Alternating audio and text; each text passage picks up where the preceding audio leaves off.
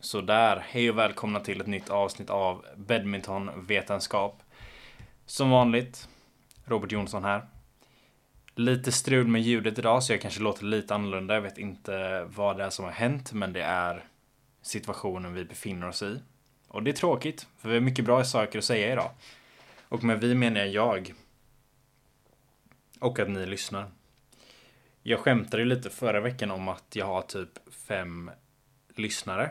Vilket inte stämmer längre. Utan, eh, alltså det stämde inte då heller, jag hade ju fler än det. Men eh, det har faktiskt börjat eh, hända lite grejer. Inte på just den här svenska. Utan på den engelska. Den börjar få lite traction nu. Det börjar bli lite folk som checkar in den. Så att eh, jag vet inte om det är felklick eller om det är liksom riktiga lyssnare eller vad det är. Men den eh, den går som tåget helt enkelt. Vi pratade förra veckan om några verktyg som finns publicerade på sugyamabadminton.com. Och idag så ska vi fortsätta prata om det, men vi ska eh, faktiskt, eller vi ska ju då gå in på lite andra verktyg som kommer att finnas på sugyamabadminton.com inom kort. Och ehm, eh, det är så att dagens avsnitt kommer att handla om skattningsskalor och träningsdagbok. Men också någonting som kallas för AAR eller After Action Report som är ehm, Ja, vi kan väl gå in på den direkt för jag tycker den är väldigt intressant om vi ska vara sån. Och eh, det här är någonting som jag tycker mig alldeles för lite av som badmintonspelare. Man eh, man går på sina träningar, man gör sitt bästa. Man eh, reflekterar inte så mycket över det och sen så gör man om det. Och så liksom bara kör man på utan att tänka för mycket på det. Utan det är så här, bara, men det här var inte bra eller det här, det här kunde varit bättre. Men man går inte in så djupt i det. Och det är ju någonting som inte är fördelaktigt för vi vill ju kunna eller vi behöver ju kunna reflektera och analysera varje pass, varje match, liksom vad man nu eh, väljer. Alltså det kan ju vara olika men eh, oavsett så måste vi ändå bli lite bättre på att faktiskt ställa oss frågor efter träningar och tävlingar för att komma fram till eh, vad man gör fel, vad man gör bra, vad man kan bli bättre på. Liksom, vad har vi att jobba med? Och därför har jag då liksom eh, gjort ett dokument som ehm, där liksom, det, det står ju mer än än ehm, bara typ analysera din match eller din träning utan det är ju liksom frågor som leder fram till att man kan skapa en egen analys men det finns också en liten text där eh, det också är lite så utmaning. Men om vi tar och förklarar varför man ska göra en sån här after action review. Jag kanske sa report förut, men det är after action review. Och det är ju liksom, det är syftet är att du ska använda det för att analysera någonting. Resultatet, liksom eh, the outcome av en situation eller ett projekt eller en match eller träning. Så man vill veta vad som har hänt, varför har det hänt, hur har det hänt, hur kan man se till att det blir ett bättre resultat nästa gång. Och det är för att man ska lära sig från sina misstag, men, eller inte misstag, vi kan säga erfarenheter istället. För det gäller ju även om man vinner eller förlorar. För det är ofta det här att man lär sig mer av att förlora än att vinna. Och med den logiken, så jag förstår ju var det kommer ifrån, men att logiken, vi vet ju att det stämmer inte. Du behöver faktiskt vinna för att vinna. Du behöver vinna för att bli bäst. Även om du lär dig mycket av en förlust i vissa lägen. Men det är någonting man bara säger för att trösta folk som har förlorat. Nej, nej, nej, du får ut mer av att förlora än att vinna. Men om du inte reflekterar över vad det var som hände så får du inte ut någonting av varken att vinna eller förlora. För du kanske vinner många tävlingar, men du vet inte varför du vinner och till slut så kommer du till en punkt där du inte vet vad, hur du är som spelare. Du liksom vet inte exakt hur du ska hantera bättre motstånd för du, du vet hur du vinner över de som är sämre, men du vet inte varför du vinner över de som är sämre. Och att göra en sån här after action review är ju liksom att gå ifrån det här med att ah, jag spelade dåligt eller jag spelade jättebra. Det här går ut på att definiera då vad är det som du tycker var dåligt. Liksom. Var det fotarbetet? Var det liksom någonting fysiskt att du inte orkade? Var du för långsam? Var du för du hade dålig uthållighet? Eh, liksom det finns så här taktiken var det dålig. Man kan verkligen gå in. Man, man måste definiera de här grejerna för att bli medveten. Och sen när vi pratar om eh, liksom vidare från en tävlingsmatch.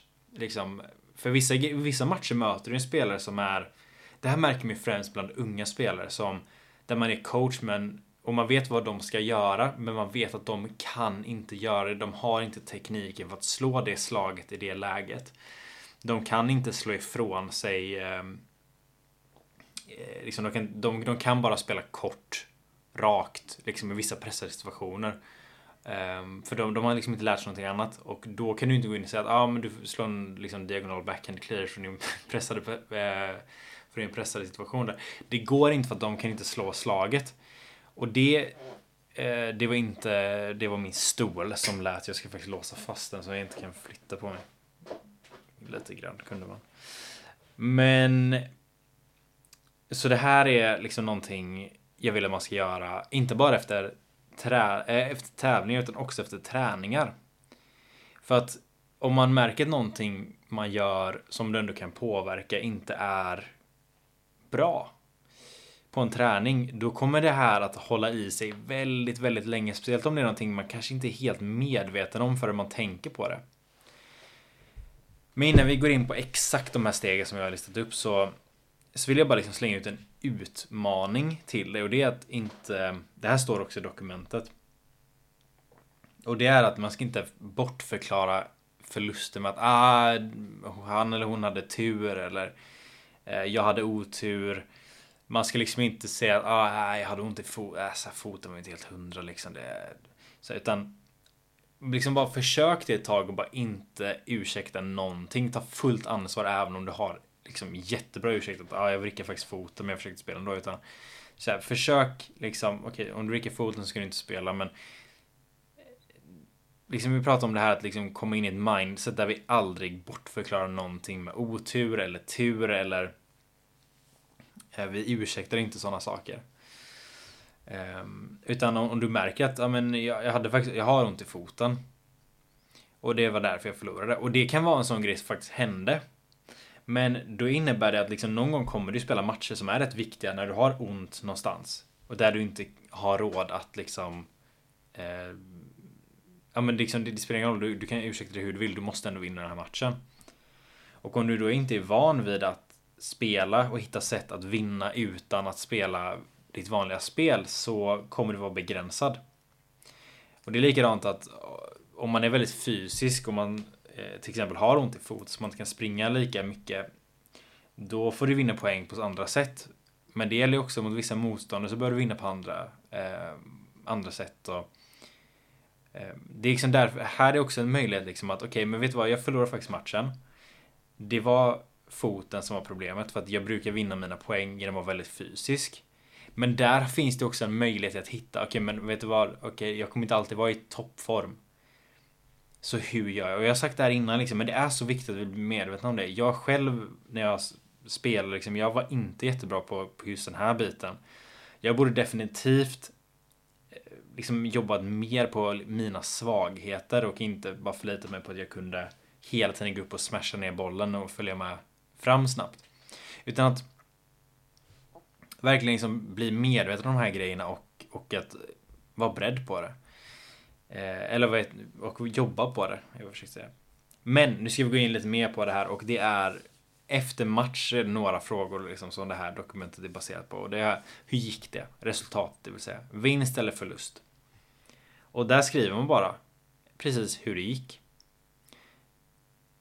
Och sen varför. Vad var den främsta anledningen till resultatet? Och här eh, man har förlorat en match. Och då kan det vara... Eh, det var kanske ingen speciell anledning. Det kanske var en jättebra match. Men... Eh, en nätrullare hit. Eh, Eller liksom, det, det, det kan ha varit eh, Det kan ha varit bra men ofta så är det ju liksom någonting och då var den främsta anledningen kanske var att ja men jag, det var för många lätta missar. Det är väl den vanligaste anledningen. Vad hade kunnat göra resultatet bättre? Och då är det liksom inte så här att om man förlorar så skriver man inte att, ja, att vinna. För det är uppenbarligen bättre. Eller att vinna med större poängskillnad. Men um, utan här, här är det mer Jag ska faktiskt omformulera den insåg jag nu när jag pratade om det. Utan det här går ut på vad hade kunnat göra din prestation bättre? Hur hade du kunnat spela bättre? Jag ska skriva det nu. Um, och då kan det ju vara att, ja men um, som sagt, inte, inte lätta missar, men, men det kan ju handla liksom om att gå in djupare i det. Att, ja, men det jag faktiskt missade mest på var att eh, varje gång det kom en boll i min forehand så så gav jag liksom inte. Jag hade inte. Jag hade för låg kvalitet därifrån. Och alltså det, man kan vara lite mer specifik i det, men det kan också vara i andra situationer så kan det handla om att eh, ha mer tålamod eller vänta på bättre lägen, ta mer initiativ. Liksom. Det är väldigt varier Det kan variera, variera enormt mycket. Egentligen borde jag sitta här och göra, jag borde ha liksom en, kolla på en match och sen kommentera den efteråt liksom. Men sen vad lärde du dig? Och den här är viktig. Extremt viktig för det är ändå här vi får ut någonting av matchen. Och det kan vara att du kan ha lärt dig att eh, du måste spela på din maxintensitet hela tiden för att vinna. Du får inte tappa koncentrationen ens i några minuter eller en minut eller en bollduell. Du kan ha lärt dig att um, det är väldigt effektivt att stoppa eh, att liksom på server, på en kort server att liksom spela tillbaka den i mitten och inte liksom välja då backhand eller forehand utan du spelar tillbaka den i mitten. För du märkte att det började funka bra eller eh, liksom någonting du lärde dig från matchen helt enkelt. Och ibland är det här svårt, man får verkligen fundera på det. Men, eh, men det är ändå en viktig fråga att ställa sig och bli bättre på att ändå hitta saker som man får med sig. Det, det man lärde sig var att det kanske går längre tillbaka än bara matchen. Att, ja men vet du vad, jag, jag, jag spelar jättedåligt för matchen gick klockan nio på morgonen och jag kunde inte somna igår, vilket kanske var på grund av nerver. Eh, det kan vara så, men att man liksom inte kom igång på morgonen. Det var en dålig uppvärmning. Det finns rätt många grejer liksom som man ändå kan få med sig om man bara är beredd att liksom tänka på allting som har lett upp till matchen. En eh, liten favoritfråga som jag har här är att om du fick möjligheten att spela om matchen, vad hade du gjort annorlunda? Och det här är inte en sån här, ah, fan, jag, jag borde gjort det här, ah, tänk om jag hade gjort det här, utan det här är faktiskt att om du fick spela av matchen med facit i hand, hade du gett några procent extra? Om det är svaret så vet jag, okej okay, men vet du vad, jag, ger ju inte allt jag har när jag spelar matcherna. Eller hade det varit att, nej, jag, jag borde sparat energi. Eller jag borde inte varit så liksom nonchalant i att jag ledde 11-2 eh, när jag hade vunnit första set. Um, för det blev en tresetare ändå. Utan liksom det, det, finns så många grejer man kan ta med sig. Men om man ska, man behöver inte svara på alla frågor hela tiden. Men den här tycker jag är så extremt viktig. ofta inser man att, ja men, ska jag vara helt ärlig, jag hade kunnat göra mer. Och det är någonting som man aldrig vill känna. Du vill aldrig känna att du kunde ge mer efter en match eller efter en träning. Om, det, om fokus var att man skulle... Nej, man ska aldrig ångra det. Och sen, vad behöver du träna på? Och eh, det kan ju vara ett specifikt slag som var riktigt dåligt den matchen. Och det händer ju ibland liksom att man har en sån match när någonting bara inte funkar.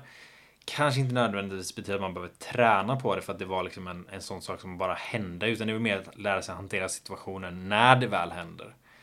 Eh, eller bara bli så bekväm med att det aldrig kan hända riktigt. Men att alla världsstjärnor har ju någonsin någon gång upplevt liksom att deras touch inte är helt med den matchen eller att ah, kommer inte riktigt på linjen. Liksom, det, det, finns så många grejer där men att vad du behöver träna på är väl det som är här ska du liksom fram det viktigaste du tar med dig från matchen.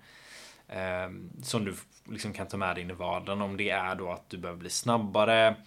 Du behöver orka mer. liksom inte bryta ihop mentalt. Eh, Sådana här grejer. Sen ska man också skriva någonting man är nöjd med. Och det kan vara liksom att ja, men jag servade riktigt, riktigt bra.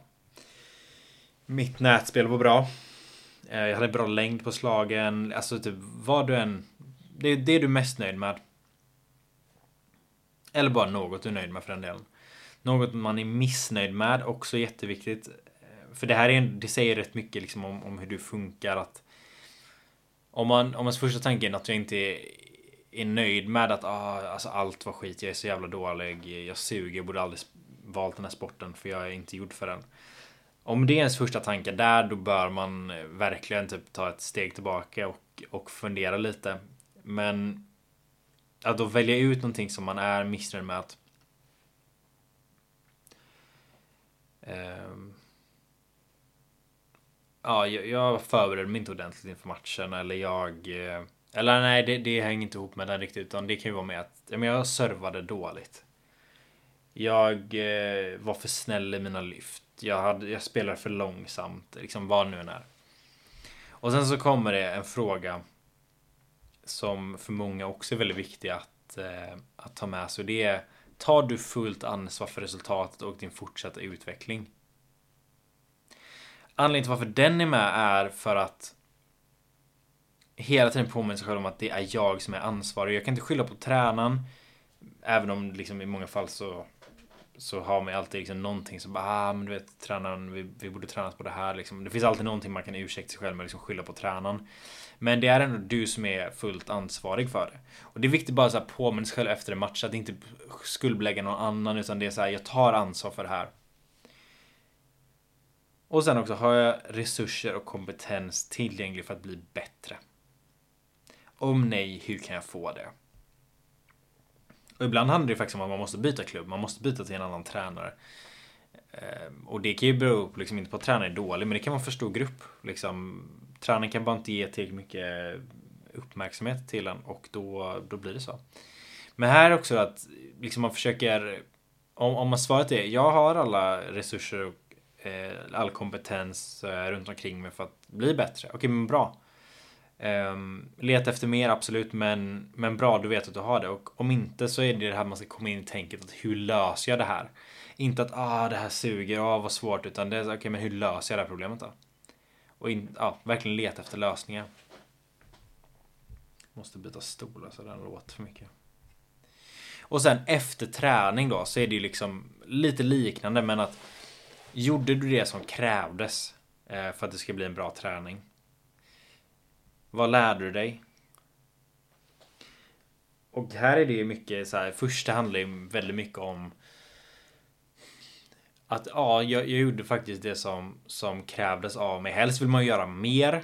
Men det är ändå så här liksom att om man kan vara ärlig så här, vet, jag gjorde faktiskt inte mitt bästa idag. Liksom, jag gjorde inte det det hade kunnat göra. Och sen vad man lärde sig, det kan ju vara liksom att ja, men vi jobbade mycket på forehand defensiv eller på en viss fotarbetssekvens. Men man funderar tillbaka lite på okej, okay, men vad, vad gick träningen ut på? Lärde jag mig någonting? Och här kan det vara så att du faktiskt inte lärde dig någonting. Det kanske inte var ett sånt pass. Eh, men det är viktigt att försöka få ut någonting av det. Men eh, ofta så brukar man ändå få med sig typ, alltså även från multi, ett multipass så är det liksom fokuset man kanske inte lär sig någonting utan det är mer att man man bara liksom ha det jobbigt för att bli fysiskt starkare. Men det kan ändå vara en sån här grej att man lär sig att bli mentalt tuffare. Sen nästa fråga blir hur kan du ta med det här och hur kan du ta med det du lärde dig och applicera det i en match? Och eh, liksom det, det, är väldigt varierande som sagt på vad man har lärt sig från passet. Um, men i, i många fall så eh, så kan det ju vara liksom att man har jobbat på någonting specifikt bara och eh, så ska man fundera lite över hur det skulle se ut i en matchsituation. Ehm, men ehm, och det är så typ tempoväxling är en sån klassisk grej liksom att många spelar i samma tempo hela tiden. Det händer liksom ingenting nytt. Ehm, och det är väldigt lätt att spela mot sådana spelare och då är det liksom mycket så här att eh, för många pass går ju ändå ut på det här med att tempoväxla. Det, är, det finns nästan alltid något inslag av det. Um, om det inte är maxtempo från start till slut. Men ja. Sen så kommer en liknande fråga igen eh, som vi hade i eftermatch ehm, Um, AAR.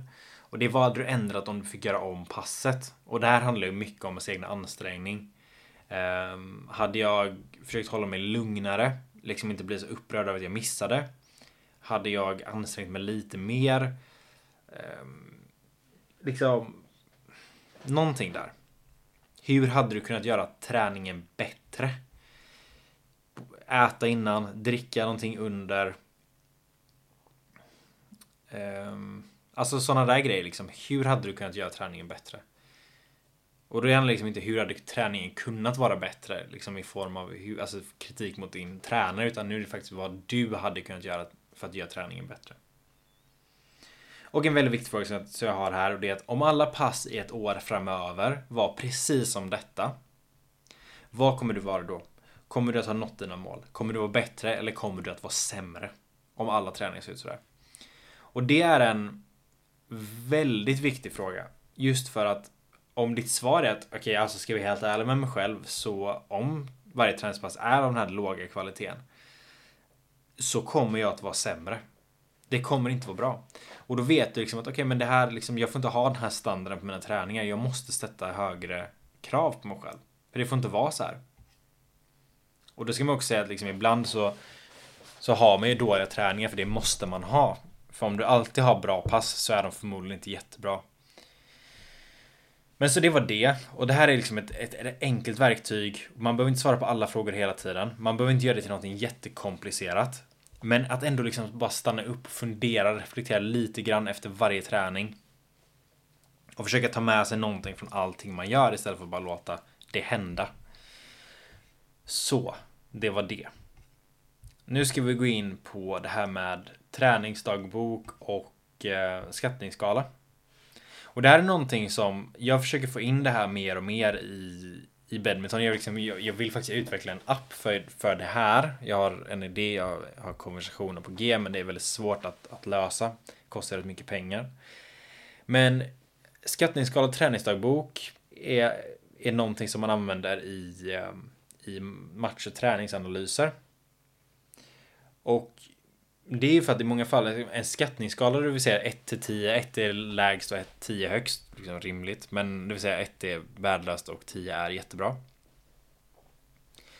Så kan man se trender i mående och beteende och man kan se att om man ställer rätt frågor och spelare vet hur man svarar på frågorna så kan du få ut extremt mycket värdefull information. Utan att eh, vara tvungen att betala extremt mycket pengar för att ha eh, alla program och alla mät eh, all mätutrustning liksom. Och det, alltså en, en vettig grej är liksom så här, hur mår du? När man skattar då liksom mående. Eh, för någonting man vet att om du är på väg att bli övertränad så kommer den att eh, liksom successivt bli sämre och sämre. Motivationen, samma grej där. Om motivationen går ner så kan det vara samma grej. Det är viktigt här liksom att man har, alltså man vet vad som har hänt för att det, motivationen kan gå ner bara för att det blir mörkare ute eller för att eh, man har spelat dåligt på träningar, man har varit lite formsvacka sådär. Men det är ändå en viktig grej för det kan också vara ett tecken på överträning. Eh, och ibland så behöver man ta en liten paus för att få tillbaka motivationen. Sen kosten kollar man liksom bara och det är lite för att tränaren ska kunna veta eh, egentligen innan passet, men har du ätit bra inför det här passet? Nej, okej, okay, men då kan inte vi köra på så hårt som vi hade tänkt idag. Eh, vad fan håller du på med? Sluta förstöra din träning genom att inte äta. Och sen sömn. Jätteviktig. Och man märker att en idrottare sover sämre och sämre. Också tecken på um, överträning. Men här handlar det mer att om, om du märker att jag har faktiskt sovit jättedåligt tre dagar i rad. Okej, okay, men då får jag, jag får chilla nu. Jag kan inte träna på som jag har gjort.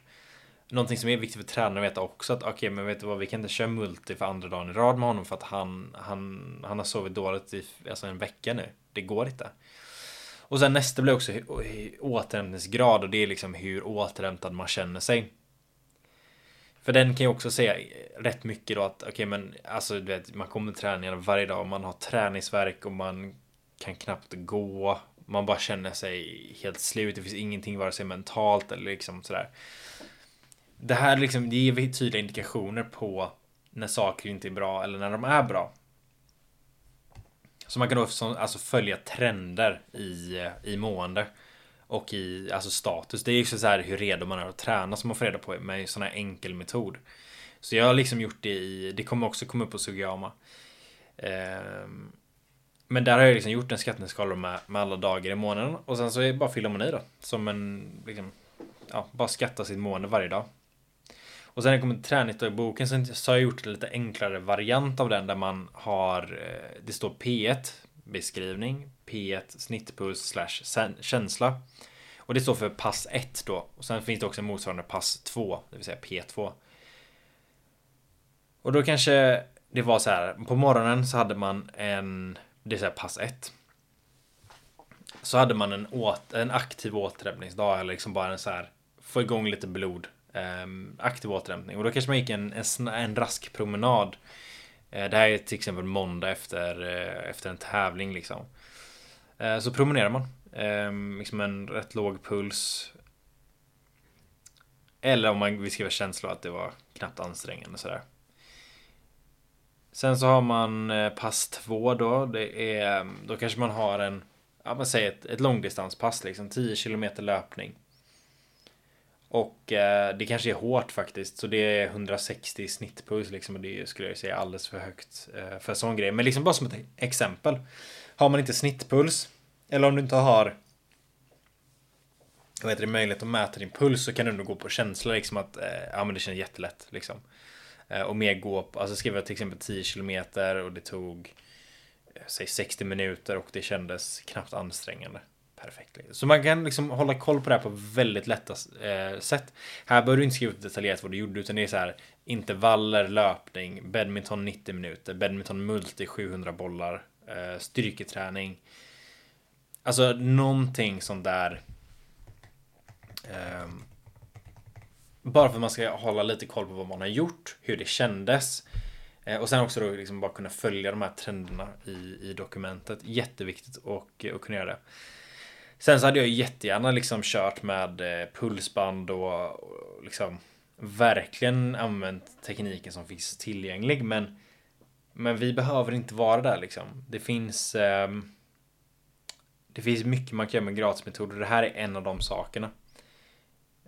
Um, så ehm, det är, det är där vi är faktiskt. Och eh, jag har inte så mycket mer att säga just det här avsnittet förutom att eh, jag eh, börjar jobba med en, eh, jag ska, eh, vad heter det? Announce, vad heter det på svenska? Herregud. Jag ska presentera det här inom kort, men jag har precis börjat ett samarbete med en väldigt duktig badmintonspelare. Som jag ska ta lite under mina vingar, så att säga. Nej, men jag ska använda min utbildning för att eh, Eh, liksom hjälpa honom. Eh, vi får ut rätt mycket av det båda två och då kommer han göra de här grejerna som jag precis har gått igenom i de här två avsnitten. För att det är så vettigt att göra det. Men så vi, jag, ska, jag ska nog göra ett helt eget avsnitt om, om, om det. För det är rätt intressant eh, hur det funkar liksom. Och då är det ju så här hur allt ifrån konsultationen liksom när vi tar vårt första snack till hur vi faktiskt alltså, börjar jobba tillsammans. Och hur jag tänker kring de här grejerna. Typ när man ska träna vad. Eh, alltså de här bitarna. Men så det, det är faktiskt jätteintressant och det är jättekul att, att kunna göra det liksom. Eh, det håller ju mitt eh, syfte liksom med att hjälpa badminton Sverige. För det här är liksom, även om du är en väldigt duktig spelare så um, om du inte är liksom topp, jag vet inte, du får vara väldigt, väldigt, alltså han är ju en topp 50 spelare än. Men uh, man får vara väldigt högt rankad i Sverige om man ska få liksom personlig hjälp på det sättet. Jag tror inte att någon har det riktigt. Ehm. Men eh, så att det är planen framöver och jag kommer som sagt presentera det här. Jag hoppas att jag kan typ ta med honom i podden någon gång. Ehm, och ehm, presentera Alltså så han får berätta sina upplevelser också. Vilket förmodligen kommer vara väldigt eh, biased eller Eh, väldigt partiskt. Vilket det ska vara också för jag behöver min marknadsföring liksom. Nej, men det, det förhoppningsvis kan få honom att vara väldigt ärlig eh, om, om hur processen var och hur han upplevde det. Men problemet där är också att i många lägen då så har man ju aldrig fått en sån uppmärksamhet som idrottare. Oavsett om du, alltså om du inte är på yttersta elitnivå så har du aldrig fått det. Så att det kommer upplevas som väldigt positivt ändå. Så det är därför man får vara liksom lite så här, jag får hålla mig lite i skinnet och inte få för mycket hybris. Men, eh, men det ska bli jätteskoj. Ehm, jättetaggad på det här. Det ska bli, ehm, det ska bli fantastiskt. Så att ehm, det är kul. Nu börjar vi ge tillbaka till badmintonvärlden. Vilket är i princip är det enda jag gjort ändå i hela mitt liv. Jag har inte fått så mycket av det så. Men ja. Tack för, eh, tack för er tid. Det här var eh, det sista avsnittet för tillfället som handlar om eh, Eh, olika verktyg för idrottare. Vi, eh, jag har faktiskt inte bestämt riktigt vad jag ska prata om nästa gång utan det kanske blir då att jag går igenom eh, mina tankar kring den här, kring det här samarbetet. Men tills vidare, tack så jättemycket för ehm, för den här veckan. Vi hörs nästa eller nästa, nästa vecka igen. Ha det så bra så länge. Hej då.